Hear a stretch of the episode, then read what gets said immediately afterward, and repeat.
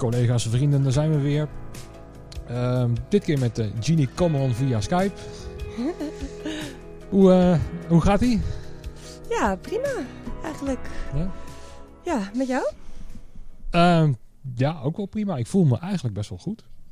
Het, uh, het verbaast me hoe, ja, hoe mentaal scherp ik nog wel ben eigenlijk. Want ik had wel verwacht dat het, ja, hoe langer het zou duren, hoe, ja, hoe erger het zou worden. Maar ja, het gaat best wel goed. En ja, maar podcast is leuk. Ja, je bent best wel aan het doen, toch? Um, ja, en dat op zich wel. Ja, nee, ja, je moet jezelf wel bezighouden, denk ik hoor. Want anders uh, word je helemaal gek. Want uh, ja. als je nu gaat uh, tellen welke festivals je allemaal hebt misgelopen. Dan, ja, dat, dat is niet. Ik probeer daar niet over na te denken hoor. Nee? Nee. Nou ja, um, waar ben jij nu mee bezig als as we speak? Um, nou, met de band een beetje. We zijn een tweede album aan het opnemen. Of nou ja, aan het voorbereiden. um, dat is eigenlijk het enige. Dus minder dan ik normaal gesproken in deze periode zou doen. Um, maar we zijn nu wel echt een aantal keer per week aan het repeteren en die nummers een beetje in elkaar aan het zetten. En uh, nou ja, dat aan het voorbereiden eigenlijk. Ja, want was dat al ingepland voor de zomer of is het echt gewoon een soort van noodmaatregel? Nee, nee, het was eigenlijk zelfs eerder al ingepland. Dus volgens mij zouden we nu ongeveer in de studio zitten in Engeland. Um, alleen konden we niet naar Engeland toe, ten eerste. En um, we konden al die nummers niet doornemen, omdat we hebben niet een eigen repetitieruimte. En alles was natuurlijk dicht, dus we hebben al die nummers... Nou, zijn we pas twee weken geleden begonnen met die samen spelen. Um, dus die ja. hele demo's moeten we nog... Nou ja, ze, ze zitten in elkaar, maar dan moeten we nog allemaal eigen partijen verzinnen... en kijken hoe dat samen allemaal uitwerkt. Dus dat heeft juist een beetje vertraging opgelopen door corona. En dat zijn we nu ja. net aan het oppakken. Eigenlijk. Even voor de duidelijkheid, jij bent uh, de drummer van Pip Blom. Ja. Want dat, uh, voor sommigen is dat misschien nog onduidelijk. Maar, uh, ja, zeker. Ja, de meeste waarschijnlijk. ja, ja. Um, want het is nog niet zo heel erg lang bezig, toch? met toeren en zo. Of is het langer bezig dan wat, dat ik denk? Um, nou ja, ze zijn wel. Ik, ik, zit er nog niet vanaf het begin bij. Uh, dus de band zelf is volgens mij vanaf 2016 al bezig. Uh, mm -hmm. En ik zit er nu. Oeh, ik weet het eigenlijk niet precies. Ik denk twee jaar bij. Misschien langer, tweeënhalf jaar. Mm -hmm. um, maar we zijn wel nu afgelopen jaar voor het eerst echt heel veel uh, aan het toeren. Dus dat is relatief nieuw. Dat echt ja, ik zag al uh, dingen van uh, South by Southwest uh, voorbij komen. Vorig jaar was ja. dat, dacht ik. Ja, dat Hoe? was afgelopen jaar. Um, ja, afgelopen jaar hebben we echt heel veel gespeeld. We hebben Glastonbury gedaan, wat heel leuk was. Um, nou ja, wel een paar grote en voor de rest gewoon kleine zalen. Stond er ook voor dit, deze zomer heel veel ingepland? Um, nou, minder dan afgelopen keer, omdat we dus dat afgelopen jaar is het album uitgekomen. En toen zijn we echt heel veel weg geweest. En uh, vooral heel veel in het buitenland. En dit jaar hadden we iets minder, omdat we dus een tweede album gingen opnemen. Maar er zijn wel zeker dingen gecanceld. En alles is ook voor ons nu al tot einde dit jaar gecanceld. Dus ja. dingen die we in het najaar hadden staan. Uh, in Engeland is gewoon alles helemaal, helemaal uitgesteld. Want we, we spelen meestal in Engeland. Uh, dus dat is eigenlijk helemaal tot eind december allemaal definitief gecanceld. Ja, voor mij is het voor de hele branche zo hoor. Bij ons ook. We hadden dan uh, dingen ingepland. Bijvoorbeeld nou, de Guess Who in november. Gaat ja. ook al niet door. Oh nee, oké. Okay. Uh, dus Ik ja, er wordt af en toe ja, nog wel wat dingen langskomen um, van, nou ja, september. En ik, ik, nou ja, ik zie dat niet helemaal gebeuren, maar wie weet wel. Nou, het is ook voor Nederlandse bandjes makkelijker in Nederland, hè? Om dat te, te, wat, wat korter te plannen. Want stel dat je nu een, een, een livestream krijgt aangeboden vanuit wat dan ook, zeg maar, dan kan je heel snel schakelen. Maar als, je buitenlands, uh, als jij naar het buitenland moet hè, met de band, dan is het een ander verhaal. Ja, ja, zeker. Dat kan gewoon niet. Nee, precies. Um, ik wil uh, eigenlijk beginnen met het uh, begin van jouw carrière, zeg maar. Uh, hoe, hoe, is dat, hoe is dat begonnen? Ehm, met muziek maken überhaupt, zeg maar. Wanneer is dat bij jou met de paplepel ingegoten? nou ja, inderdaad wel met de pap paplepel erin gegoten. Want allebei mijn ouders zitten in de muziek. Um, nou, mijn vader ken je, John. Yep. Die werkt voor Mojo en Paradiso en zit in een band zelf. En mijn moeder die was vroeger geluidstechnicus. Die is nu lerares, maar uh, toen ik jong was geluidstechnicus. Dus dat was wel natuurlijk een ding bij ons thuis. Uh, ja. Maar ik ben zelf begonnen met drummen toen ik tien was, geloof ik. Okay. Um, ehm, en qua werken iets later, maar volgens mij was misschien deed jij die ook wel pitch. Deed jij dat toen destijds? Ja, zeker. Zeker. Op, uh, um, op het Westergasterrein nog. Ja. Ja, dat was denk ik mijn eerste festival waar ik werkte. Dus toen was ik 16. Um, ja, dus dat is allemaal wel sinds ik vrij jong... Was je toen ook in hospitality bezig? Ja. Ja, dus zo ik... het team uh, Ilja? Ja, nee, dat was uh, het eerste jaar. Toen deed Ilja het nog niet. Toen... Um, okay. uh, ja, dus het eerste jaar heb ik gedaan met een ander clubje. En toen het tweede jaar kwam Ilja erbij. En nou ja, zo heb ik Ilja leren kennen. Ja, en ja. Uh, sindsdien heb ik ja, nee, ja, pitch, ja, uh, goede herinneringen heb ik eraan uh, aan, aan, pitch. Helaas is het niet meer, want voor mij heb ik het vijf jaar gedaan, of vijf of zes jaar ja. dacht ik. Maar in het begin was dat nog met ja, Mojo natuurlijk, met Marjolein en ik weet niet of John er iets voor mij ook al mee te maken had, dacht ik. Ja, zeker, want via John ben ik daar toen ook terechtgekomen. Um, ja. ja, die deed artstandling daarvoor. Precies. Want dat is ook wel een beetje jouw ding op de festivals uh, geworden, hè? De, de, de hospitality en dat soort zaken. Ja, zeker. Um, ja, dat is eigenlijk voornamelijk wat ik op festivals doe. Um, is het ook het leukste wat er is, voor jou, wat jou betreft? Ik vind dat wel heel erg leuk. Uh, ik doe het natuurlijk eigenlijk altijd met Ilja. Um, en dat is altijd gewoon heel erg leuk. Uh, ik denk dat het ook best goed combineert met dat ik zelf veel speel. Um, dus ik kan natuurlijk wel een soort van goed inschatten wat, waar je behoefte aan hebt misschien. Uh, of wat je wel of mhm. niet wil horen. Of dat als je even chagrijnig bent, dat dat gewoon wel eens kan gebeuren als je moe bent. En um, ja, ik vind dat wel heel erg leuk om te doen. Ik, ja, ik ben soms stage manager op festivals of Paradiso. Wat ik ook leuk vind. Maar um, ja, hospitality is wel mijn voornaamste ding. Ja, daar kom ik ook het meeste tegen inderdaad. En voor mij hangt er altijd wel backstage zo'n zo'n sfeertje wat niet direct door Ilja gecreëerd wordt, denk ik. Maar die neemt wel de juiste mensen mee om, ja, weet je, dat, dat, dat rustige, goede sfeertje daar neer te zetten. Ja, ik denk dus wel dat dat heel erg door Ilja gecreëerd wordt. Um, juist inderdaad omdat zij, ik heb het idee, maar dat zouden we aan haar moeten vragen, uh, dat zij mensen daar wel echt op uitkiest. En zij kan wel heel goed inschatten wie goed met elkaar gaan. Uh, en zij zorgt er wel voor dat het gewoon altijd heel gezellig en leuk is. Uh, ja. Voor iedereen. En dat is natuurlijk wel, ik denk dat dat wel een bewust, bewuste keuze van haar is.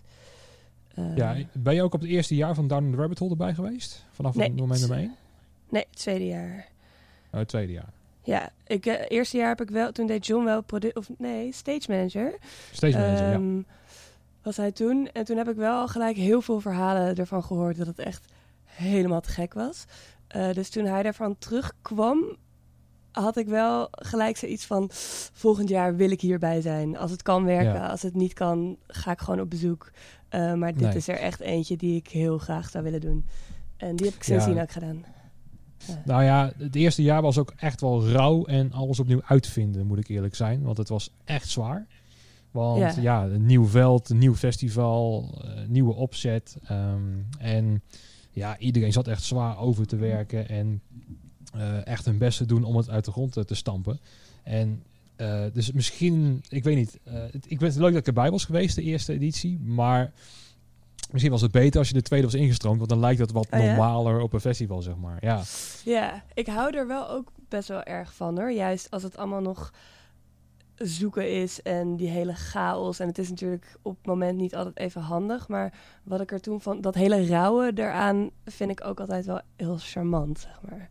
Ja, ja ik ook. Echt totaal. Nee, uh, want ik weet nog wel dat we waren toen met Proton met twee man overdag, eentje de nacht. En uh, nou, de nacht is ook gewoon echt wel best wel aanpoten. Nou, dat was eentje. Nou, die had dus al die DJ-area's in zijn ja. eentje. Nou, dat is redelijk zwaar. Maar ik wist nog dat op het hele festival, volgens mij, moesten wij... Want we hadden de opslag, doen wij in de trailer. En uh, dat moest echt, volgens mij, niet overdreven, vijf keer verplaatst worden. Dus ja. op de eerste dag al, zeg maar, drie keer. Zo van, oké, dan wil je aan het werk gaan. Dan moet je je voorstellen dat jullie compound, zeg maar, gewoon eh, vijf keer van, van plaats verandert. Zo Ja. van, ja, je moet toch ergens wel kunnen werken. Ehm, Ja, dat dus is wel een beetje inderdaad natuurlijk. qua, qua puzzelen vond ik het echt hartstikke leuk. Alleen, het is niet heel praktisch inderdaad, ja. Nee. Ehm, hoe is het eh, samenwerken eh, met je vader? Want ik zie het steeds vaker gebeuren dat jullie dus eh, samen op een festival zijn. Of we zijn ook bijvoorbeeld elkaar tegengekomen bij een feestje van Tommy Hilfiger in de Kromhouthal. Ja. Zo, dat was wel een maffe, ehm, vond ik in ieder geval. Ja, wat vond je er zo maf aan, aan die, aan die productie? Nou, voor mij was dat een hele andere klus dan wat ik normaal gesproken doe. En het was heel Mhm. anders dan ik verwacht had. En dan mij eigenlijk van tevoren, nou niet verteld werd, maar eh, het, nou ja, ik denk dat ik het een beetje anders. Het was gewoon een hele andere sfeer. En ik had, ik was aan het stage managen en dat was eigenlijk niet echt aan de orde, want de band was playback. Eh, behalve de zang. En er was maar één show. Eh, of één, één nummer zelfs, geloof ik. Eh, en voor de rest was het een beetje schuiven met blokken en dingen. Alleen er waren twee stage managers. En ehm, het was nogal een machtsspelletje daar. Misschien mag ik dit wel helemaal allemaal niet zeggen, Ja. dat weet ik niet. Maar het was een beetje een, Oh, nee. een, eh, Wat, ma- nee, voor mij betreft mag je gewoon niet. alles zeggen, hoor. het was een beetje een machtsspelletje en ik hou daar gewoon niet zo heel erg van. Ehm, en ik ben het daar niet altijd mee eens. En soms Nee. kan je daar, moet je dat misschien gewoon laten gaan. Alleen op dat moment had ik, was ik het daar gewoon niet helemaal mee eens. En dan Nee. ontstaat er een beetje een, een vreemde sfeer. En dat is eigenlijk de enige van al mijn klussen die ik ooit heb gedaan waarvan ik dacht.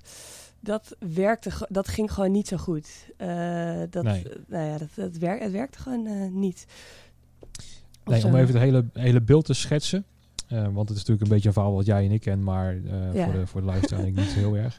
het was een corporate feestje van eh, Tommy Hilfiger. Die hebben dat voor mij elk jaar wel, zo'n eh, zo'n eh, feestje voor Mhm. eigen personeel en zo. Ja, kerstfeestje. En daar, ja, en daar trad een bandje op en dat was een mojo bandje. Dus vandaar dat John erbij was, volgens mij, om dat bandje te goed te begeleiden. En nou, er moesten stagehands komen.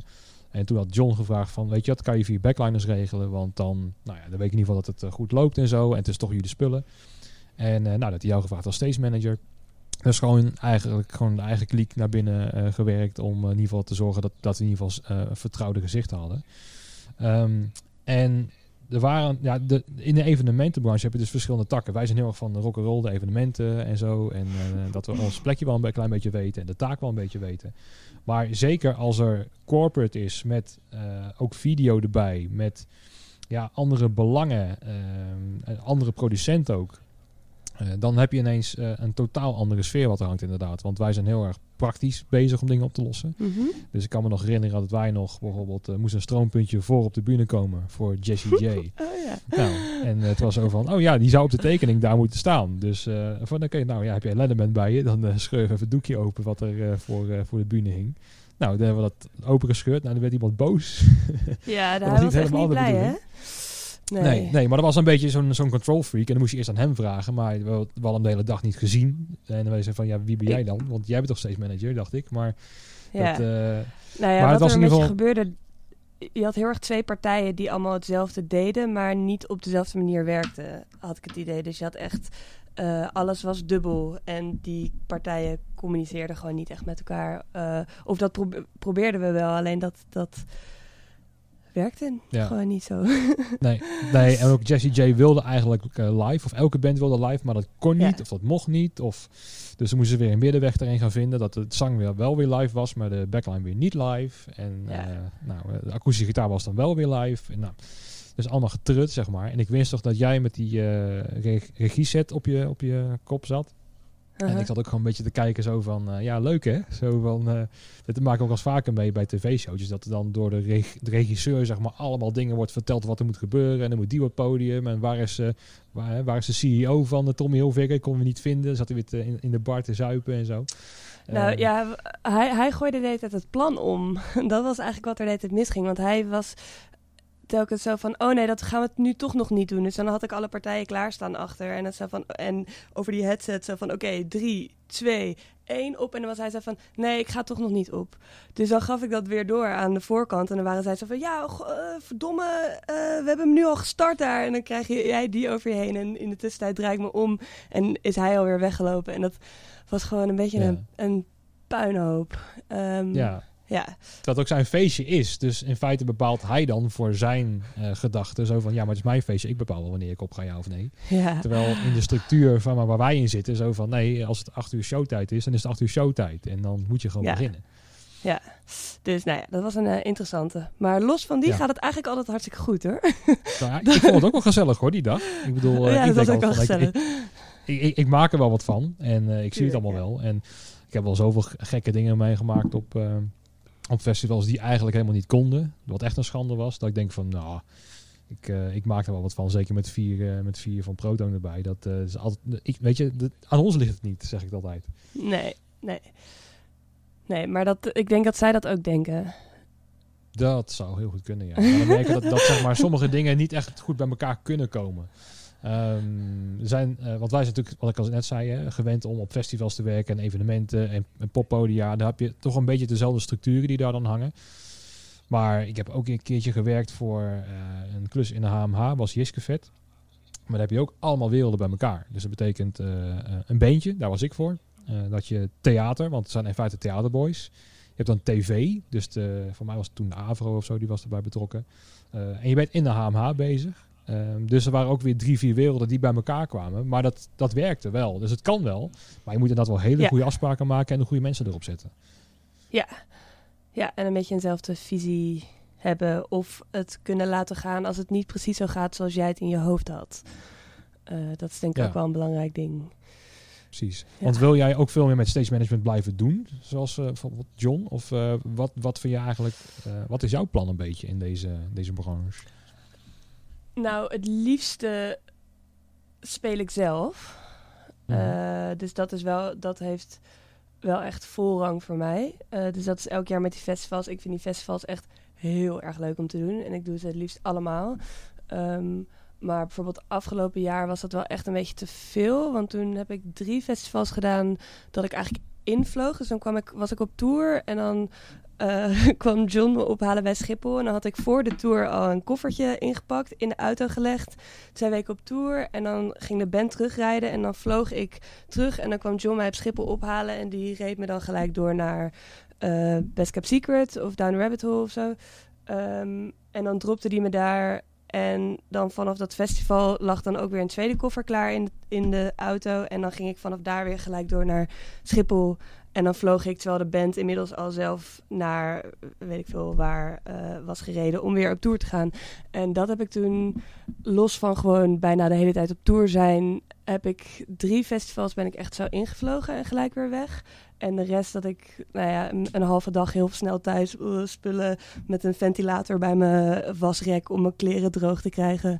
Uh, en toen, na die zomer, toen stortte ik wel een beetje in. En toen dacht ik wel van, dit, dit moet ik eigenlijk niet meer gaan doen. Uh, nou ja, toen op Best Kept Secret had ik dan ook, die was ik dus ingevlogen, maar toen moesten we daar ook spelen. Dus toen ben ik tijdens mijn shift echt met mijn snare onder mijn hand naar het podium gerend.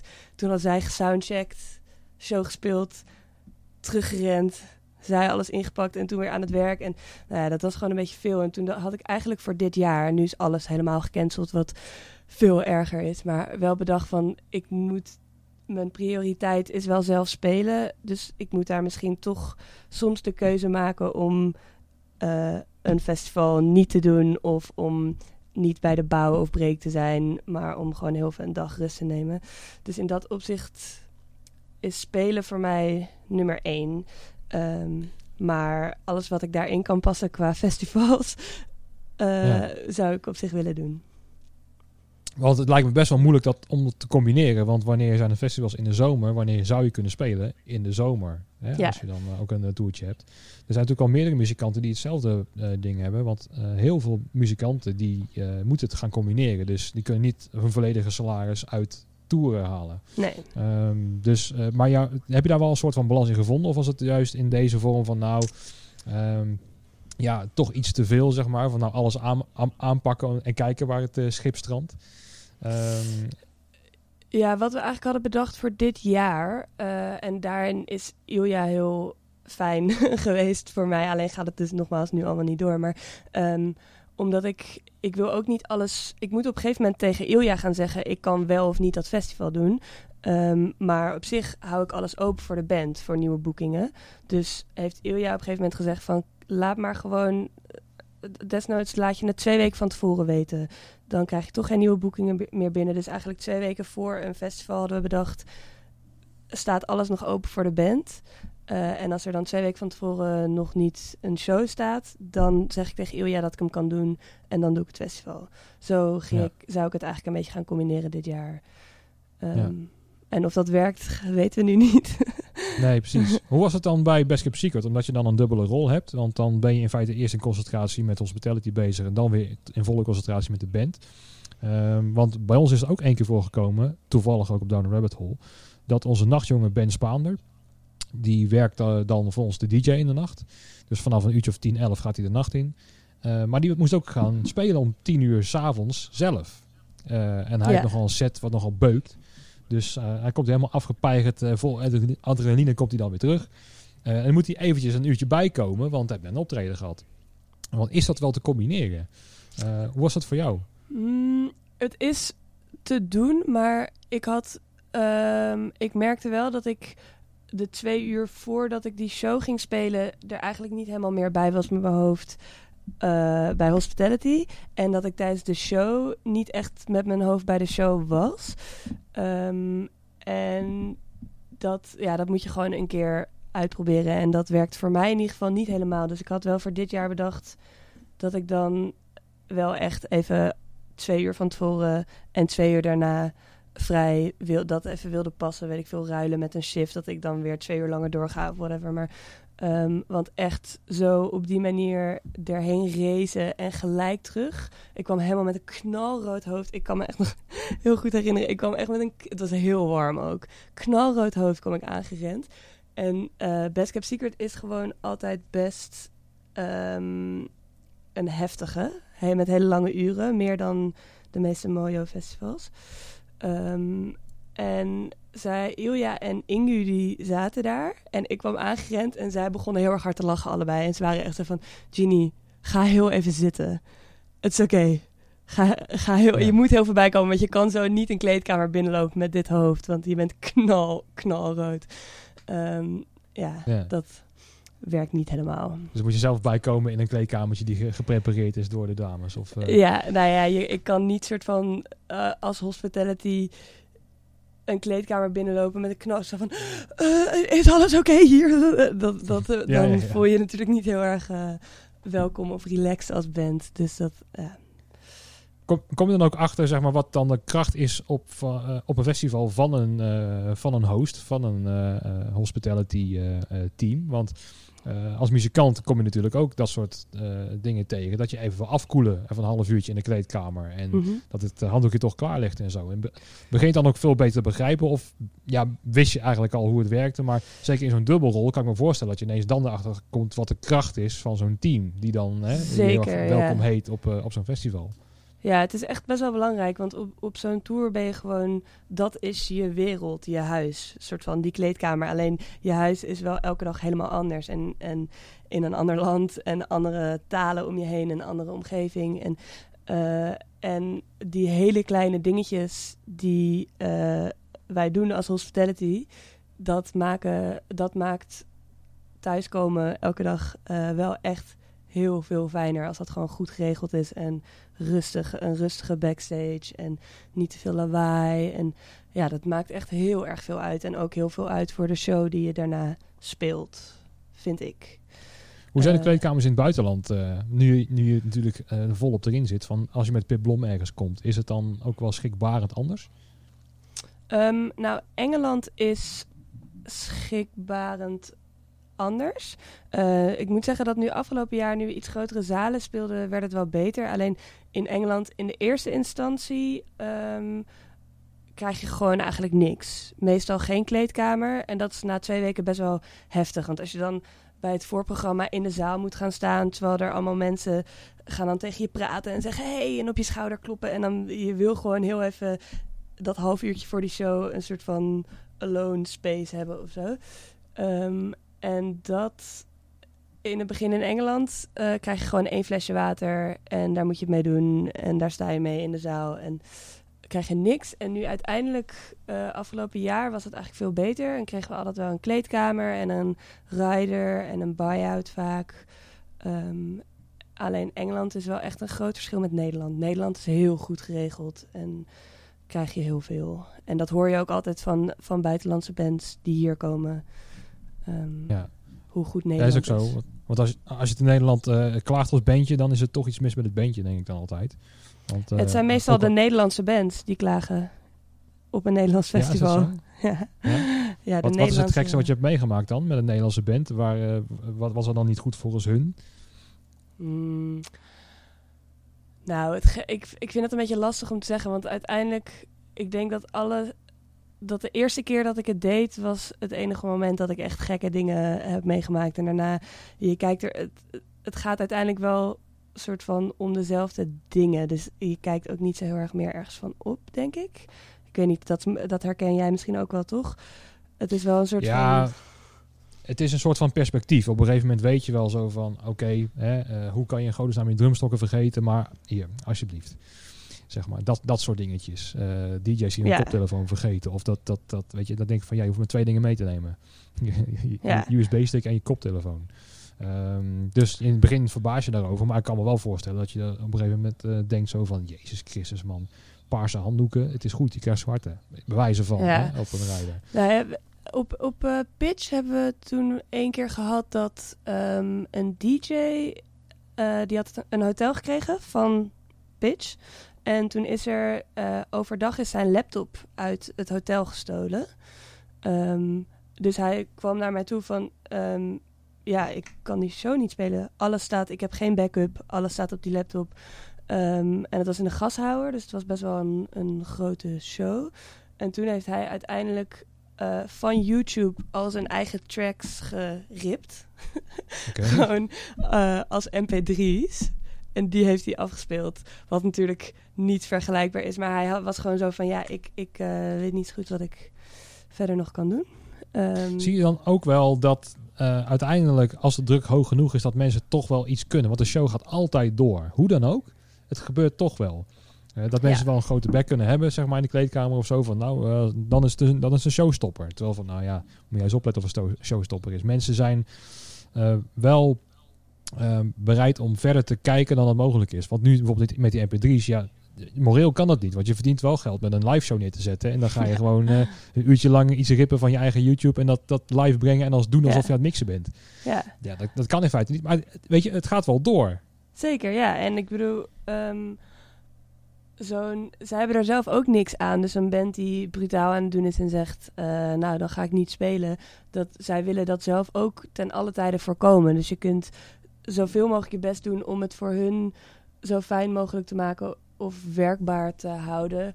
Ehm, maar uiteindelijk willen zij net zo graag als ik dat het gewoon doorgaat. Dus ze zullen er ook alles zelf aan doen. En nou ja, deze DJ was dan echt, uh, het was zijn eigen idee. En was daar heel relaxed onder. En was, die laptop was zo van, nou ja, dat zoeken we later allemaal uit. Voor nu, nou ja, dan is dat wat ik, uh, het enige wat ik kan doen volgens mij. Um, ja ja, let's be it.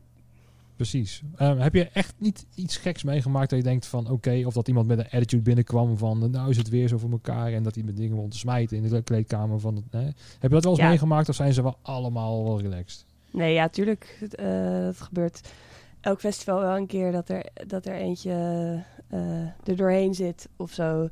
Zeker, ja. Maar ik, ga, ik ga er ook verder geen namen in noemen of zo. Dat vind ik een beetje... Nee, het hoeft geen namen te noemen. Ik bedoel, uh, dat hoeft ook helemaal niet. Maar als je zeg maar band B zegt, zo van, of band X, zo van, nou ja, dat, dat gewoon een situatie schetsen. Want ik ben wel altijd benieuwd naar leuke verhalen of zo, wat er dan gebeurt. Uh. Ja, het gebeurt, het gebeurt best wel vaak.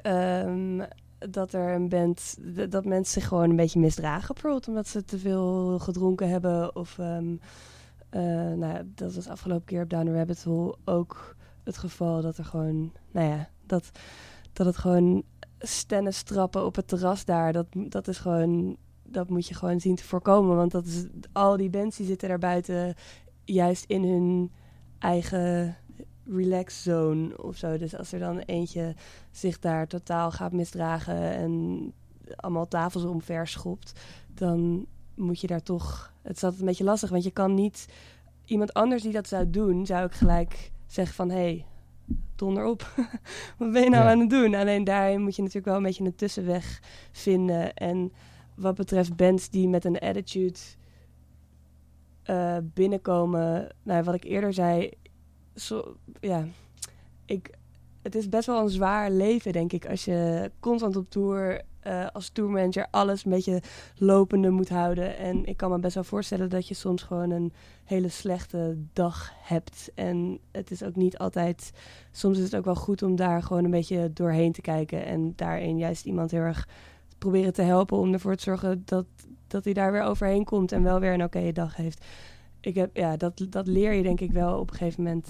De, nou ja, ik moet nu denken, de eerste keer, dus die pitch. Um, want jij vroeg eerder hoe is het om met je vader te werken. Dat werkt altijd heel goed en is altijd heel leuk. En de eerste keer toen ik dat nog nooit had gehad, dat een tourmanager gewoon heel boos werd op mij. Um, en, nou, ik was dus 16. Ik vond het best wel spannend allemaal. Ik wist niet, ik was niet echt heel erg zeker van mezelf. En uh, een band die belde op en die was iets van vier, vijf uur te laat.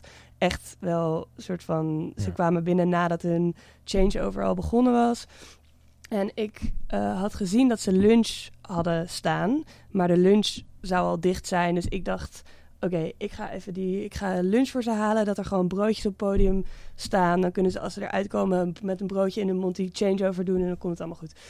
Dus ik was juist een beetje van, oké, ik heb hier aan gedacht. Um, gaat allemaal goed komen. En toen kwamen zij binnen en zij zagen dat. En toen werd die tourmanager echt super boos op mij. Want hij was zo van: Denk je nou dat we met 16 man genoeg hebben aan 17 broodjes? Ben je niet goed bij je hoofd of zo? En ik, nou ja, als dat nu zou gebeuren, dan zou ik daar veel beter mee om kunnen gaan. Alleen op dat moment was ik echt helemaal zo van: uh, uh, ik klapte gewoon helemaal dicht. En ik weet nog dat ik toen weg, dat ik zo was van, ik ga wel, uh, de catering is dicht, ik ga wel broodjes zoeken. en dat ik wegliep. En toen kwam ik John tegen en die kwam net aangefietst mm. en die deed dus artshandling. Die kwam volgens mij kijken of die band er al was. Um, en die kwam aangefietst en die zag mijn gezicht en die was zo van, wat is er aan de hand? En ik barstte gewoon in tranen uit, omdat hij zo boos was geworden. Um, nou ja, dat is iets wat nu nooit meer zou gebeuren. Um, ja, hij werd gewoon heel boos. Omdat hij, hij zei ook later, heeft hij zijn excuus aangeboden. En toen was hij zo van, ja, ken je die ene Snickers reclame? Uh, dat ben ik. Als ik honger heb, dan word ik gewoon een draak. En uh, sorry, en dat had ik nooit mogen doen. En uiteindelijk was het allemaal helemaal relaxed. Maar ja, soms ja. in die stress kan iemand gewoon helemaal zichzelf verliezen en flippen. Um, nou ja, daar moet je... Ja, want hoe zou je er nu mee omgaan dan? Als iemand uh, tierend naar je toe komt? Nou, ten eerste dat niet persoonlijk uh, opvatten. dat is één, mm -hmm. denk ik, heel belangrijk ding al. Want op het moment dat je dat persoonlijk aantrekt, dan gaat je hoofd, is je hoofd daarmee bezig in plaats van dat je oplossingsgericht gaat denken. Uh, dus nu ja, zou ik gewoon daarin veel rustiger blijven en proberen hem uh, rustig te houden. Te zeggen, nou ga je broodje, ga, de, ga het eerste broodje eten. Ik ga even kijken wat ik voor je kan doen. Uh, we verzinnen wel wat. Uh, we gaan het oplossen. En het gewoon zo dan ja. inderdaad oplossen. In plaats van denken van, hij is heel boos op me, hij is heel boos op me. Want dat, ja, dat heeft natuurlijk ja. geen zin. nee, precies. Er zit wel een klein verschil, denk ik, tussen uh, bijvoorbeeld hospitality en backline. In de zin van, ik, had, ik heb nog wel de macht om te zeggen van, uh, als je zo boos bent, neem ik alle spullen mee en dan speel je niet. Nee, ja, ik ook wel op zich. Als zeg iemand echt die, buiten die leverage boot. heb ik dan wel nog wel. Maar ik, is het bij jou ook zo? Want kan je zeggen van ja, hey, dan krijg je mijn kleedkamer niet. Ik bedoel, dat lijkt me niet. Ik bedoel, jij moet wel iets meer gaan middelen in dat opzicht. Ja, nou, ik denk dat je dat ook wil. Dat je dat zelf ook wil. Um, want je bent wel de hele dag met hun aan het werk. En als iemand iets doet wat ik echt niet oké okay vind, uh, ofwel naar mezelf toe of naar iemand anders toe, dan kan ik daar natuurlijk. Ik bedoel, ik heb gewoon mijn eigen grenzen en die mag ik ook gewoon behouden en aangeven. Ja. Daarin uh, kan iemand natuurlijk niet totaal buiten de boot iets doen waar ik gewoon zelf uh, niet achter sta. Dus in dat opzicht, als iemand iets doet waar ik het niet mee eens ben, kan ik gewoon zeggen: dat ga ik niet doen. Of eh, nu moet je ophouden. Of dan gaat het allemaal niet door. En het is ook wel zo dat als een band heel vriendelijk is, dan ga ik echt alles. Dan ga ik keihard voor ze rennen de hele dag. Dan ga ik gewoon alles voor ze doen, voor zover ik alles wat ik kan doen, ga ik voor ze doen. En als een band heel chagrijnig is uh, en onaardig is, dan kan ik soms wel even een half uurtje nog even een rondje gaan lopen voordat ik uh, hun probleem ga oplossen of zo. Dan ga ik niet keihard voor ze rennen. Dus in dat opzicht is dat ook weer een soort van rare, ander soort macht misschien. Ja, of weet je dan wel iemand uh, zo van, oh wacht even, als ik uh, hem of haar erop zet, van oké, dan, dan dat is beter, zeg maar. Dat je, stel dat je een teampje hebt, ja, dat ik, je dan dat denkt is natuurlijk... van nou, Ik denk dat Ilja dat wel doet, ja. Um, maar met, ja zeker, ik weet zelfs zeker dat ze dat doet. Want met bepaalde dingen zet ze echt bewust. Of doet ze die bijvoorbeeld zelf met bepaalde headliners. Waarvan ze weet dat ze echt heel moeilijk zijn. Dan doet zij in ieder geval het begin daarvan. Uh, dus daar denkt zij wel over na. Ja, maar daar heb ik niet zo direct mee te maken. Want Ilja Nee. die roostert mij daarop in. Uh, ja, precies. En dan moet je het gewoon doen. ja, Ik moet meteen aan een verhaal denken, ook op Lowlands. Misschien, nou, daar zou je ook al bij zijn geweest, denk ik. Maar niet misschien niet direct mee te maken heb gehad. Dat was, denk ik, twee jaar geleden Lowlands. Op een zondag. Was ook een bandje door John eh, eh, voorbereid. Eh eh backline aanvraag was Protogé of Pro, Protoje. Ik weet niet of dat eh, iets zegt qua naam. was een reggae band die stond in de... Heette vroeger de Golden Heineken. Ehm, en nou, op een gegeven moment eh, belde Boom mij op, stage manager, van eh, ja, de band staat hier, waar blijft de backline? En ik zo van, nou, die is niks aangevraagd, Boom. Oké, nou prima. En dan een kwartiertje later van, ja, ze hebben echt backline nodig. Dus ik kijk in mijn mailbox van, oh shit, twee weken geleden was er toch een mailtje van John gekomen met een aanvraag Mhm. voor backline. en eh, ik had er niet op gereageerd, geen, geen offerte gestuurd, niks. En ook niks van John gehoord. En denk ik van, nou ja, oké, die is er doorheen geglipt. Ja. Maar binnen een half uur stond er 90% van wat er ze hadden aangevraagd, stond er ook. Dat had ik Ja. gewoon, eh, want er waren dus al bands aan het spelen op, eh, op die zondag. En toch heb ik bijna alles bij elkaar weten te schrapen op alle keyboards na en zo, weet je wel. En, maar er was dus één keyboard. Dat was dan de, eh, nu word ik even technisch hoor. De, de Roland Phantom eh, X7 hadden we bij ons. Maar hij moest de G-serie hebben. Vanwege dat zijn geluiden daarop stonden. En dat, Ja. kan dus, dat is niet compatible of zo. Van, ja op zich wel eh, ook wel echt een probleem als je dan een, de verkeerde krijgt. Ja. Precies. Nou, en dat zeiden ze ook van, oké, de keyboard moet er komen, anders is het een showstopper. Nou, oké, bij dat woord is het heel duidelijk. Oké, nou, ik heb bellen naar de, naar de zaak. Hè, eh, zo van, er moet nu die piano komen. Hè, of dat, dat- die synthesizer vanuit, vanuit Nieuwegein. Nou, is ook gekomen. En als het intro, toen waren ze die net begonnen om drie uur. Dus maar één over drie. En eh, ik kwam dus, we kwamen dus binnen met, met het juiste keyboard, zeg maar. Dus op een gegeven moment van, nou, eh, eh, de, stekkers eruit en ver- verwisselen die handel. En toen zei die toetsenist van, nee, ik had al op deze. Oh ja, classic. Nou, ja, ja. Nou ja, en ik was pist, John was pist. Ehm, ehm, en nou ja, je wilde dat niet, niet weten wat daar hè, backstage aan, aan spanningen toen, eh, toen was. Ja. Ehm, maar ik wist toch, met die opbouwfase eh, is het ook heel erg een spelletje van die band. Zo van, hey, dit, dit moet er zijn, dit staat op onze rider. Ehm, als ik kreeg bijvoorbeeld een, eh, een Gibson Les Paul in plaats van een Gibson ES335, zo'n hollowbody gitaar. Eh, nou, kan ik me voorstellen, maar ik kwam dicht genoeg in de buurt, dacht ik. Ehm, en mijn team, die was heel erg van het pamperen. Zo van, oh nee, ja, nee, sorry, sorry, en eh, ons fout, en eh, nou, dat soort dingen. Ehm, en op een gegeven moment begon het uit de klauwen eh, ja, te lopen. En toen dacht ik van, nou weet je wat, ik ga er wel naartoe. Want ik, ja, ik voelde me wel een soort van verantwoordelijk voor dat hele verhaal. En ik was heel duidelijk van, luister, ja, het is mijn fout, sorry, dit is er wel, dit is er niet, en klaar. Zeg Ja. maar, gewoon heel erg duidelijk stellen van, dit wordt hem gewoon. En ja, sorry, Ja. het is er niet. Dit is er wel, dit is er niet. Wat kan ik voor je doen? eh, ja.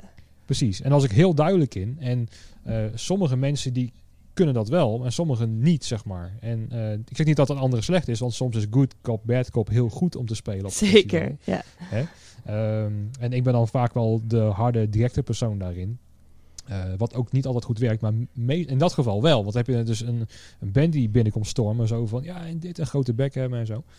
Ehm, en eh, toen dacht ik van oké, toen zei ik ook van oké, eh, zeker weten dat dat keyboard er is. En dan, de, de rest heb ik, maar dan ga ik die voor je regelen, want die moet nu komen. En dan ga ik dat wel voor je fixen. Van oké, ja, als die komt, dan is het goed. Oké, nou, maar dan maak je een beslissing hè, binnen vijf minuten van oké, Ja. eh, dit krijg je en dat gaan we dan gaan verhalen. Ehm, maar dan ga je weer middelen. Maar je hebt dus ook gewoon mensen die alleen maar eh, van het begin al zeggen van... oh nee, sorry meneer, sorry meneer. eh, eh, heel erg pamperen. En dan blijven ze maar komen, want dan blijven ze maar op je aanvallen, zeg maar. Zeker, Maak je ja. dat, d- is dat ook wel herkenbaar? Ja, heel. Ehm, dat is eigenlijk exact hetzelfde bij hospitality. Ehm, het, het begint zelfs heel vaak al bij een rider dat er gewoon bepaalde dingen op staan eh, waarvan de, die de band niet wil en niet hoeft. En ehm, die ook gewoon nergens op slaan, zeg maar. En dan op het moment dat ze binnenkomen kan je zeggen van ja, ehm, we hebben de hele rider behalve de Labrador puppies. En met die zin weten zij, oké, ze hebben de hele rider gelezen, ze hebben alles. Die Labrador puppies, die hoeven ze niet. Eh, maar op het moment dat je, op als zij binnenkomen, dat kan zeggen, dan weten zij gelijk dat het goed zit. En dan hoeven Ja. zij dat hele spelletje niet meer te spelen, zeg maar. Ehm, Precies, ja. ja. ja. Want ook zo'n voorbeeld kan ik me nog herinneren. En eh dan zal ik de DJ-naam ook maar eventjes buiten beschouwing laten in dit voorbeeld. Maar dat is ook weer zo'n voor... Misschien kan jij het dan ook wel herinneren. Eh, dat was een DJ, ook op Lowlands. Die was, was het begin van de avond. En die had ook een bepaalde mixer. Nou, die moest hij per se hebben. Maar er was een eigen ontwikkelde mixer. En, eh, er zijn er maar heel weinig van, zeg maar, op de wereld. Maar nee, Zodat hij er zelf hebben. geld aan zou verdienen. of niet? Nou ja, precies. Maar dat, dat gold dus ook. Op een gegeven moment, eh, eh, John zo van, nou, laat maar zitten, doe die tweede keus maar. Maar ik had hem wel gefixt. Zo van, nou ja, hè, dat vind ik al leuk om het toch eh van elkaar te krijgen. Dus wij hadden de, de goede mixer. Maar op de rider stonden ook voor mij drie flessen sake. eh, die ook van zijn eigen merk waren. En eh, en toen werd er besloten van, nou ja, fuck die sake. Ja, het stond ook iets van, eh, doe dan maar eh, te- tequila, zeg maar, als, als vervanger. En toen kregen ze dat wel, zeg maar. Maar ook gewoon de, ja, de durf om je eigen producten aan te vragen op zo'n festival. Terwijl je donders goed weet dat het er gewoon niet is. Ja. Hè? Ehm, maar ik vind het dan wel leuk om het alsnog van elkaar te krijgen. Maar ik heb wel toen de tijd gehoord zo van, ja, hey, donder op met je eigen sake. dit is goed met je. Ja, tuurlijk. Ja, dat moet ook heel vaak. Ehm, en dat is ook bijna altijd gewoon prima hoor. Want zij weten inderdaad zelf ook wel dat het, eh, dat het niet... ehm, John komt ook even gedacht. Ja, ja, ja, ja. ja. Nee, nee, nee, nee, nee. We hadden het toevallig net over een, eh, een geval op, eh, op, op Lowlands. Misschien kan jij dat nog herinneren. Dat eh, een, een bepaalde DJ een bepaalde Oh. mixer wilde hebben. Wacht, Of, John hoort jou niet hoor. Oh, die hoort mij niet. Oh, nee. Oh, Je kan praten wat je wil, ik hoor oh. God, dat moeten we vaker hebben, John. Hier nog. Nou, dat was dus Oh, God. John voor de mensen die het niet kunnen zien. Nee, nou ja, ik vind het wel jammer dat hij on- ons niet kon- niet kon horen. Ik denk dat is leuk met z'n tweeën ook gewoon. eh, ja, dat ja, dat kan natuurlijk even niet met die koptelefoon. Nee, nee. Nou, ik had het wel aangeboden aan hem. Zo van, hey, zullen we gewoon, een, eh, een, eh, een- gewoon met z'n drieën gaan zitten? Maar ik denk van, nou, ik, ik ga eens met jou voor gewoon een gesprekje hebben. Maar Ja. het lijkt me ook wel leuk om jullie, met jullie tweeën te gaan zitten. Want er komen ook wel behoorlijk wat verhalen vrij. Ehm, ja, Maar, ehm, nee, maar ik vind het wel leuk dat dat kan. Want er zijn niet zo heel veel eh, vader-dochter eh, ja, dynamieken op een festival, toch? Of kan je er meerdere? Ehm, nee, zo snel weet ik het even niet. Maar ehm, ik weet ook niet. Op zich heeft het altijd gewoon wel heel goed gewerkt. Op het moment dat wij met elkaar werken, dan is het vrij zakelijk. Ehm, en het is dan daaromheen, als er, als er even niet iets aan de hand is, is het heel fijn en gezellig eh, dat je vader er is, zeg maar. Of dat, dat je even Ja. een kopje koffie gaat drinken en dan zijn we gewoon vader-dochter. Maar op het moment dat eh, ik iets heb met een band, dan ik, ik roep hem net zo goed over de porto op als iedereen, elk ander persoon. Of ik bel hem en dan is het niet zo dat ik eh, eh, van, hoi pap, hoe gaat het? Dan is het gewoon van, hey, ik heb nu Mhm. te dealen met deze situatie, wat zal ik doen? Of kun je dit, dat gewoon geldt. Ja, ik ga dan met hem en hij met mij op precies dezelfde manier om als met alle andere mensen in die functie.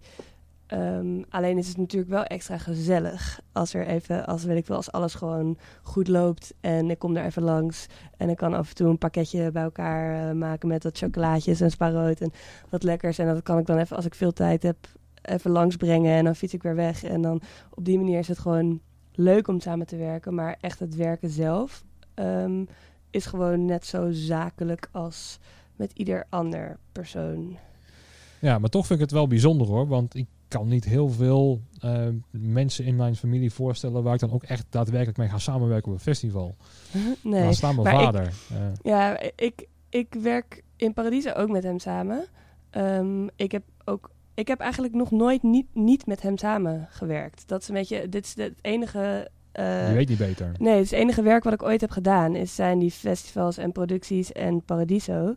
Um, en dat is altijd met hem geweest eigenlijk. Dus um, in dat opzicht ik denk niet dat, dat mensen daar bijvoorbeeld snel last van zouden hebben dat er een bepaalde dynamiek is of zo. Of dat überhaupt doorhebben, uh, tenzij ze het weten. En bands komen er soms achter omdat je dan in een e-mail iets doorstuurt en dat ze zijn van... Hey Cameron, Cameron, zijn jullie familie? Uh, en voor de rest denk ik niet dat mensen het per se doorhebben, omdat we gewoon met elkaar aan het werk zijn. Nee.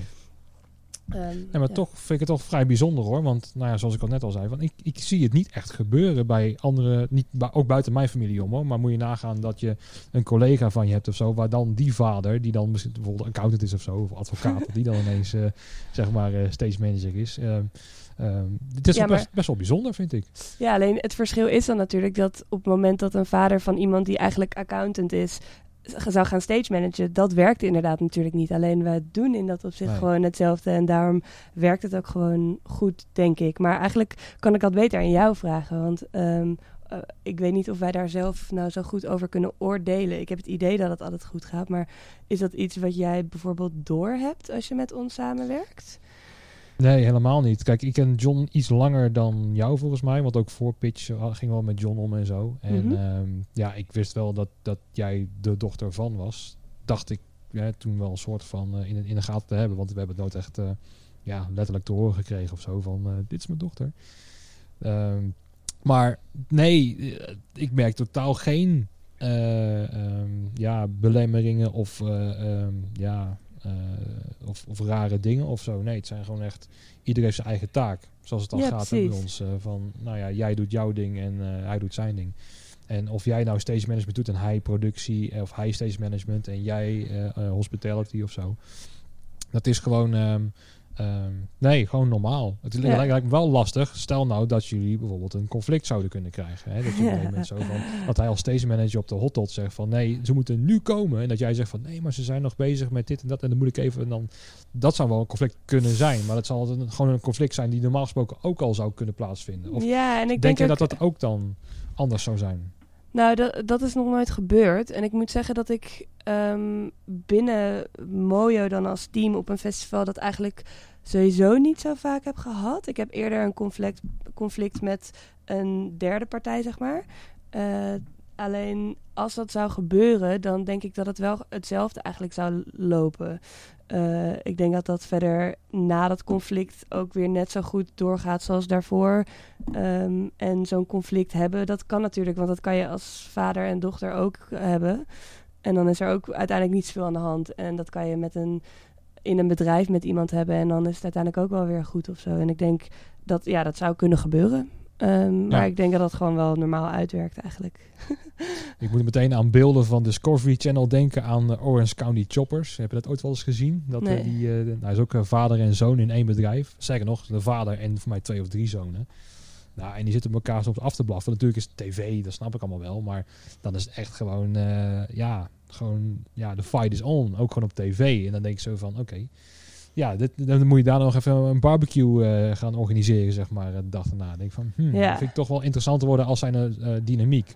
Zeker als je een bedrijf uh, hebt hè, die dan wordt overgenomen door, door de zoon of zo.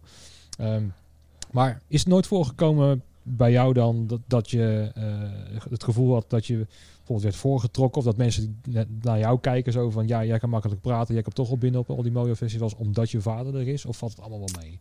Um, ik denk dat dat wel meevalt.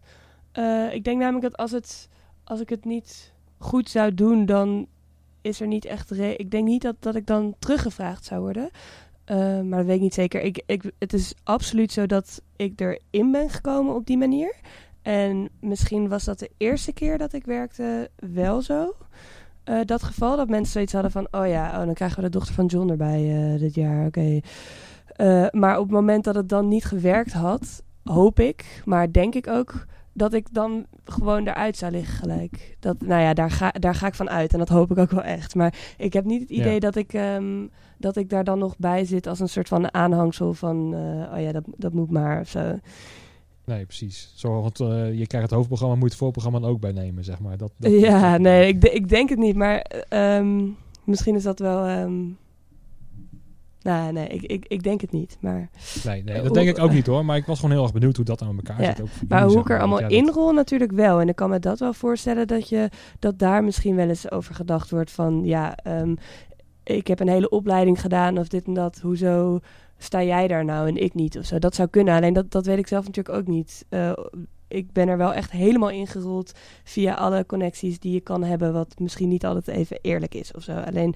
Eh, het is niet zo dat ik nou minder hard ga rennen omdat ik mijn positie toch wel eh, krijg of zo. Of dat dat is natuurlijk niet aan de orde. En ik vind het ook gewoon heel leuk allemaal. Dus dat zou ik ook niet willen. Dit is de eerste aflevering waar we het nog helemaal niet over corona gehad hebben. Dus het gaat Oh, best ja. wel eh, de goede kant op. ja, dat is wel... Ben, daar ben ik toch wel benieuwd naar, gewoon puur qua positie van hoe sta jij er nu in? Want alle inkomsten zijn eh, weggevallen. Met de band eh, wordt er dan ook niks verdiend, neem ik aan. Misschien wel creatief nagedacht over nieuwe tours, nieuwe plaat, dat soort dingen. Mhm. Maar hoe gaat het bij jou dan? Eh, want ja, ook een drukke zomer. De hele familie blijkbaar in deze Ja. in de evenementen. Hoe gaan jullie ermee om? Ehm, ja, ik vind het eigenlijk best wel zorgelijk, eerlijk gezegd. De, nou ja, dit jaar weten we sowieso dat het niet doorgaat allemaal. Eh, dat is inderdaad bij mij de hele familie, iedereen, eh, mijn hele omgeving. Eh, nou ja, met de band is het gewoon kloten. Ik weet trouwens niet of ik mag schelden, maar... Nee, je ga je gang. ja, is gewoon super kut natuurlijk. Want we kunnen niks doen. En ik vind het best wel zorgelijk. ehm, dat, nou, ik, ik, ik vraag me af of het volgend. Iedereen heeft het erover dat we gewoon van nou, volgend jaar. Eh, 2021, dan gaan we er weer voor. En ik, ik betwijfel Ja. eigenlijk een beetje of, eh, of dat nou echt wel zo zal gaan lopen. Want ik denk dat best wel veel bedrijven failliet gaan. Ik kan me voorstellen dat veel kleine zalen failliet zijn. Eh, even ervan uitgaande dat er een vaccin komt en dat, je, dat we op een gegeven moment, dat we volgend jaar wel weer met z'n allen ehm, naast elkaar dansend, omhelzend eh, in een zaal of op een festival kunnen staan. Vraag ik me echt af. Eh, nou, ik denk sowieso dat er nog echt een hele grote economische klap komt. Wat natuurlijk ook zijn gevolgen heeft voor onze branche. Ehm, en nou ja, ik, ik, weet er, ik weet het natuurlijk ook niet. Maar ik vind het best zorgelijk allemaal. Eerlijk gezegd. Ja. Ik denk dat we er minder. Ik denk dat we er nog langer. eh, dat we nog langer deze, een, een schok hiervan gaan voelen dan de meeste mensen nu denken, eerlijk gezegd. Zit jij ook al te denken om iets anders te gaan doen? Want er zijn natuurlijk heel veel freelancers die echt daarover nadenken van, nou ja, dan ga ik maar, eh, nou ja, zoals bijvoorbeeld Ilja, die dan tijdelijk eventjes in de kinderopvang of kinderjuf wordt volgens mij. Ja, superleuk, want ze, ik, dat zag ik, ja. Zij heeft dat dus wel ooit eh, een studie daarvoor gedaan. En nu is ja. ze daar soort van even weer op teruggekomen. Eh, nou, het is niet per se dat ik nou denk, wat ga ik... Ik ga werken in een totaal ander ding, maar ik zat wel te denken... als het echt allemaal even stil komt te liggen... zou ik misschien wel een keer willen studeren. Want dat heb ik nooit gedaan, omdat ik... eh, nou, gelijk veel ging spelen toen ik van de middelbare school afkwam. Eh, en sinds dat vanaf dat moment heb ik dat altijd gedaan. Eh, en daarvan dacht ik wel, als het dan moet, als ik iets anders, als ik niet hiermee doorga, dan is dat misschien wel iets wat ik zou willen doen. Ehm, maar als dat niet hoeft, zou ik het liefste gewoon volgend jaar weer het hele jaar op tour zijn en op festivals werken. Ehm, dus dat is even afwachten. Wat voor studie zou je dan willen gaan doen? Ja, dat, eh, dat, dat weet ik helemaal niet. Ik zou, nou ja, dat weet ik niet zo goed, eigenlijk. Eh, ik, gewoon rechten studeren of zo? nou, nee, dat, eh, dat zie ik mezelf niet zo doen. Maar ehm, het is een beetje. Ik heb er eerlijk gezegd ook. Ik, ik heb dat heel even gedacht. Van, of dat is eh, door mijn hoofd geschoten. Van misschien zou ik dan wel willen studeren. Maar daar verder over nadenken. eh, wil ik misschien eigenlijk ook nog niet helemaal. Ik kom daar niet echt in mijn hoofd verder mee. Omdat ik het eigenlijk liever niet. Ik heb liever dat het niet hoeft, zeg maar. En als het helemaal moet stoppen, dan lijkt me dat leuk om te doen. Maar ik ben daar voor de rest nog niet echt heel erg mee bezig, omdat ik toch nog wel hoop dat er een weg te vinden is met wat ik de afgelopen vijf jaar, eh, of langer, zeven jaar, eh, heb gedaan. Daar ga ik liever mee verder. Dus Ja, nee, dat heeft iedereen wel, denk ik. dat Want denk ik ook, Hoe, ja. hoe, hoe gaat het, hoe gaat het in de familie dan? Want eh, kijk, John zit er ook volledig in. En die heeft natuurlijk een best wel een carrière sowieso achter de rug, maar ook wat nog voor zich hierin. Die staat er Mhm. misschien wel anders in dan jij, of valt het wel mee? Ehm, nou, anders in, in het opzicht wat voor, voor uitzicht hij daar... Ja, want het zou zomaar kunnen dat eh, in de worst case scenario, dat we met z'n allen iets anders moeten gaan zoeken, eh, dat hij dan ook daar iets, eh, ja, iets anders moet gaan verzinnen om iets te doen. Of Nou, zit hij daar nog totaal niet aan te denken? Nou ja, ik, misschien wel in zijn hoofd. We hebben dat nog niet op die manier besproken, zo van wat zou je dan gaan doen. Maar ik kan me wel voorstellen dat het voor hem misschien wel lastiger zou zijn, omdat hij inderdaad gewoon vanaf zijn achttiende, nou ja, eerst natuurlijk met de band, met Clubboys, eh lang heeft gespeeld. En vanaf dat moment is hij gewoon al, heeft hij altijd dit gedaan. Dus als dat compleet wegvalt, kan ik me voorstellen dat het lastiger is. Gewoon omdat hij ouder is, eh, om totaal een andere kant op te gaan dan dat voor mij zou zijn. Maar aan de andere kant heeft hij wel veel meer ervaring. Dus als er eh, in deze branche nog wel iets te doen is, zou, dat, zou hij natuurlijk eh, daarin veel voorop staan. Eh, ja, zou, je mij niet inhuren als het ware, want hij heeft superveel ervaring. Ehm, dus ik weet het niet zo goed. Ik denk dat voor hem een beetje hetzelfde geldt. Zo van hopen dat het ehm, gewoon wel allemaal gaat lukken. En Ja. tot die tijd maar gewoon even ja, je tijd uitzitten of zo. Andere Ja. dingen doen. Nou, ik ben, ik ben er wel benieuwd naar hoor, want ik denk wel dat bijvoorbeeld eh, de, de, de jongere generatie die wij dan zijn, ehm, dat die wat flexibeler zijn. En bijvoorbeeld, nou, ik ben ook die podcast begonnen. Ehm, dat zouden, ja, weet je, eh, eh, zeg maar boven de 50 jaar een podcast. Terwijl ik denk voor juist mensen die heel lang getoerd hebben en zo, er komen natuurlijk verhalen die je kan vertellen in zo'n uitzending. Dat als iedere, als elke tourmanager zijn eigen podcast begint en gewoon zijn eigen verhalen begint te vertellen, dat is toch gigantisch leuk. Ja, zeker. Ja, maar eh, wat ik net zeg, dat gaat dan wel ook echt over het geld verdienen, zeg maar. Want eh, ehm, Ja, nee, precies. Jo-. John is daarin wel hierin nu veel meer muziek aan het maken dan, als, dan normaal gesproken. eh, omdat hij gewoon veel meer tijd Ja. heeft en normaal gesproken heel veel werk. Dus het is niet zo dat je dan dat hij daarin stil zit. Ik denk zelfs dat hij misschien wel meer aan het doen is dan ik. Dat Ja. ik vaker op de bank lig te Netflixen. Want hij, ja, hij is nu gewoon elke dag muziek aan het maken. Alleen qua Ja. echt werk en geld verdienen kan ik me voorstellen dat het last, lastiger is als het echt helemaal in elkaar dondert. Ja, ik denk Ja. wel dat digitale media nogal onderschat wordt. Want is als ook met YouTube, met kattenfilmpjes en dat soort dingen. Nou, YouTube kan ook echt wel een goede business zijn. Eh, ook voor bands, maar ook gewoon voor indivi- individuen. Eh, podcasting hetzelfde verhaal. In Amerika is het al vrij groot aan het worden. Eh, en er wordt nu van, ja, een beetje, een beetje ouwe hoeren met mensen. Kan je daar geld mee verdienen? Nee, nu nog niet. Maar ik zie daar wel nog een, een toekomst in. Hè? Ja. Eh, ook met muziek maken was het vroeger ook zo van... met muziek maken geld verdienen. Dat is toch gewoon een hobby? Nou, alles is wel ontstaan uiteindelijk en wel eh, een soort van een businessmodel geworden. Ehm, alleen ik zie het wel steeds digitaler worden. Dat zie je met winkels. Hè, van, eh, normaal gesproken ging je naar de Vroom en Dreesman. Nou, doe je niet meer. Je gaat naar Coolblue. Ehm dus ik zie daar wel een hele andere mogelijkheid in. En ik zie, ja, ik zie wel dat de, onze generatie daar nog wel mee om zou kunnen gaan of zo. Om daarmee mee te buigen. Maar ja, ik, vraag me dus af hoe, eh, ja, eh, hoe flexibel mensen daarin zijn. Want als mensen dus nu niks anders ondernemen en ook maar blijven stilzitten, ja, dan wordt het ook wel lastig, denk ik. Ja, ik denk, ik denk op zich dat mensen niet zo snel zullen gaan stilzitten. Misschien nu nog eventjes wel, omdat het gezien wordt als een, nou ja, een pauze. Zoals deze, de naam van deze podcast. Na de pauze, Ja. omdat mensen dat zo zien. Eh, Ja. Dan ga je niet een totaal andere richting ineens... Of ga je niet totaal iets anders doen of heel erg verder denken. Want je hebt het idee dat je over een paar maanden gewoon weer doorgaat waar je gestopt bent. En ik denk Ja. dat als, het, als dat niet zo is, of als mensen het idee krijgen dat het niet zo is, dat ze dan wel gewoon doorgaan. Alleen ben ik dus wel bang een beetje dat het idee wat jij net zegt, muziek maken als een soort van hobby gezien wordt, ehm, dat dat wel op het moment dat het ehm, economisch minder goed... Kijk, als, met die livestreams bijvoorbeeld, op het moment dat bands dat nu allemaal gratis gaan doen... eh, wordt het heel moeilijk om als band daarin overeind te blijven staan als je dat niet gratis gaat doen. En daarin, als, hoe digitaler het wordt, hoe makkelijker het ook wordt om, eh, om daarover te denken van, oh, eh, dat is een hobby of even...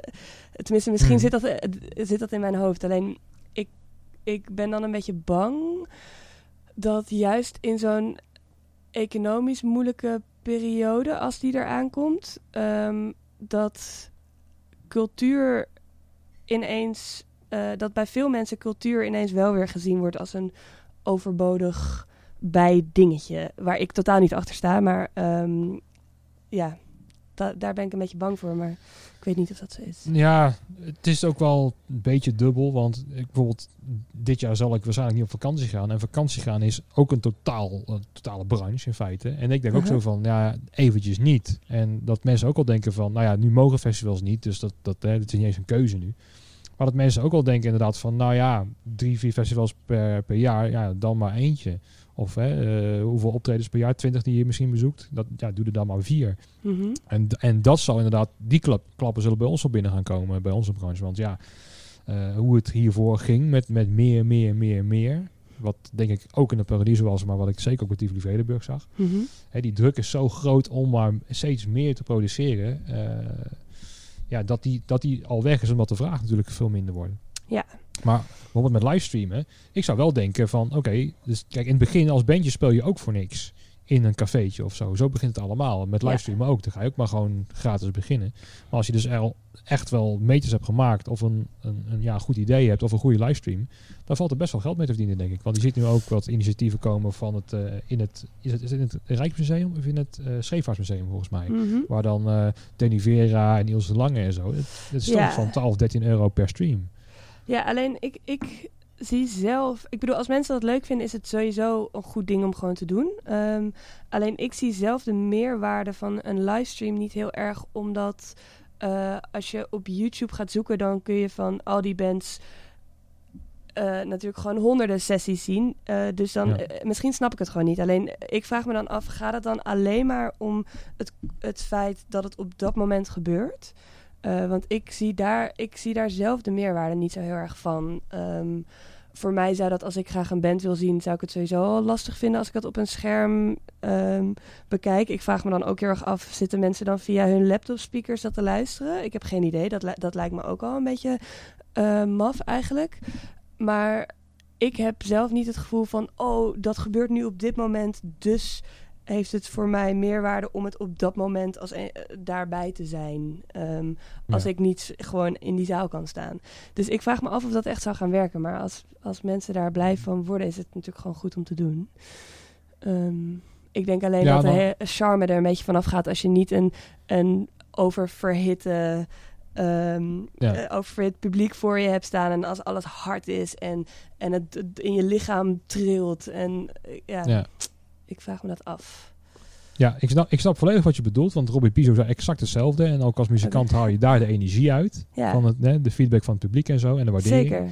Ook al, kijk, als ik dan naar de teksten kijk, bijvoorbeeld van de Vrome Dreesman vroeger, van nee, shop is een beleving. Daar moet je alles wel aanproberen en zo. Ja. Nou ja, Zalando komt langs, hoppakee.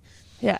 Eh, Uh, ja, het, zal dus, natuurlijk, het verschilt natuurlijk ook heel erg per band. Want ik kan me voorstellen dat ehm, als je een livestream van eh, Wilco hoort, wat gewoon heel erg gaat om dat het mooi en het klinkt mooi, de, ehm, dat, je, dat, je, dat dat heel leuk kan zijn. Alleen juist van dat soort bands vraag ik me dan af, dan kan je ook gewoon een plaat opzetten, zeg maar. maar Ja. eh, van zo'n band Ja. snap ik het wel eerder dan van een soort van rammelend hard gitaarbandje. Eh, want ik, ik betwijfel gewoon of dat werkt voor dat soort bands. Maar ehm, het verschilt natuurlijk per genre en band. En Zeker, ja. Nou ja, laten we hopen dat eh, de Rockerwell nog echt niet dood is. Of dat het niet Nee. dood wordt gemaakt. Want dat zou wel eh, jammer zijn. als het allemaal in elkaar klapt, dan komen er ook wel weer nieuwe, creatieve, leuke dingen uit, denk ik. Dat weet ik ook wel zeker. Absoluut, ja. Ik eh, ga de laatste vraag aan je stellen. We zitten alweer op een uurtje. Oké. Ehm, wat, eh, wat zou jij absoluut eh, samen met corona niet, eh, niet missen als we weer op gang mogen? Eh, ik dacht al dat die zou komen. Eh, want ik had natuurlijk eerder eh podcast Mhm. gehoord. Ehm, ja, ik zat, er, ik zat erover na te denken. Ehm, op zich, er is eigenlijk helemaal niks wat ik e- waarvan ik echt denk...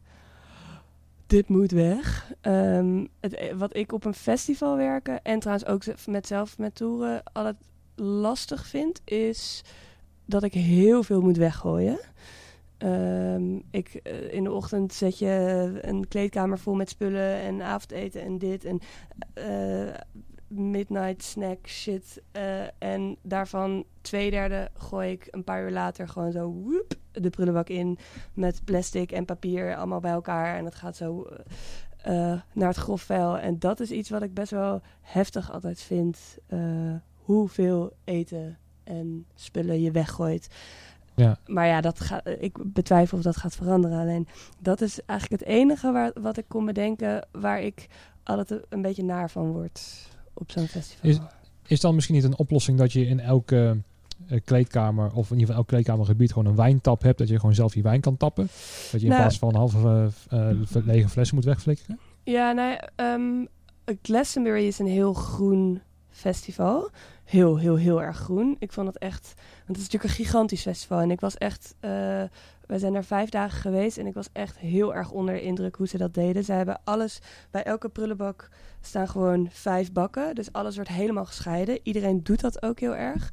Eh, en ze hameren... en Ze hebben heel veel zonnepanelen en eh, ze hameren echt heel erg op dat groene. En daar lukte het wel. En zij deden inderdaad dit soort dingen. Van die watertappunten. ehm, die, al die, het waren allemaal van die eco-wc's. Eh, inderdaad, dat je gewoon een, een tap hebt. Een wijntap, biertap.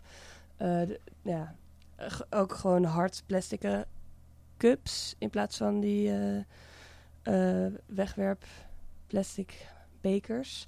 Dus het kan, tuurlijk kan het wel, maar je moet er wel echt even in investe- investeren. Eh, dus het, het, het lijkt mij heel leuk als Mojo dat zou doen. En andere festivals. Is dit niet gewoon het moment om dat ook door te voeren? Zeker, alleen het kost wel veel geld. Dus ik, eh, na dit jaar, ik betwijfel of dat volgend jaar zo gaat zijn. Maar als ze dat voor elkaar kunnen krijgen, zou ik, denk ik dat iedereen daar uiteindelijk blijer van wordt. Ja, precies. Nou ja, ik zeg altijd, eh, wij zitten altijd in de goede branche, want al onze drumstellen worden hergebruikt. Dus eh, in dat opzicht zijn we heel erg eco. Goed, de- ehm, we gaan hem afsluiten. Dankjewel voor je tijd. Ja, En eh, ik hoop dat we elkaar snel weer kunnen zien op een festivaletje. ja, dat hoop ik ook. Goed zo. Nou, luisteraars, bedankt voor het luisteren en tot de volgende, tot na de pauze.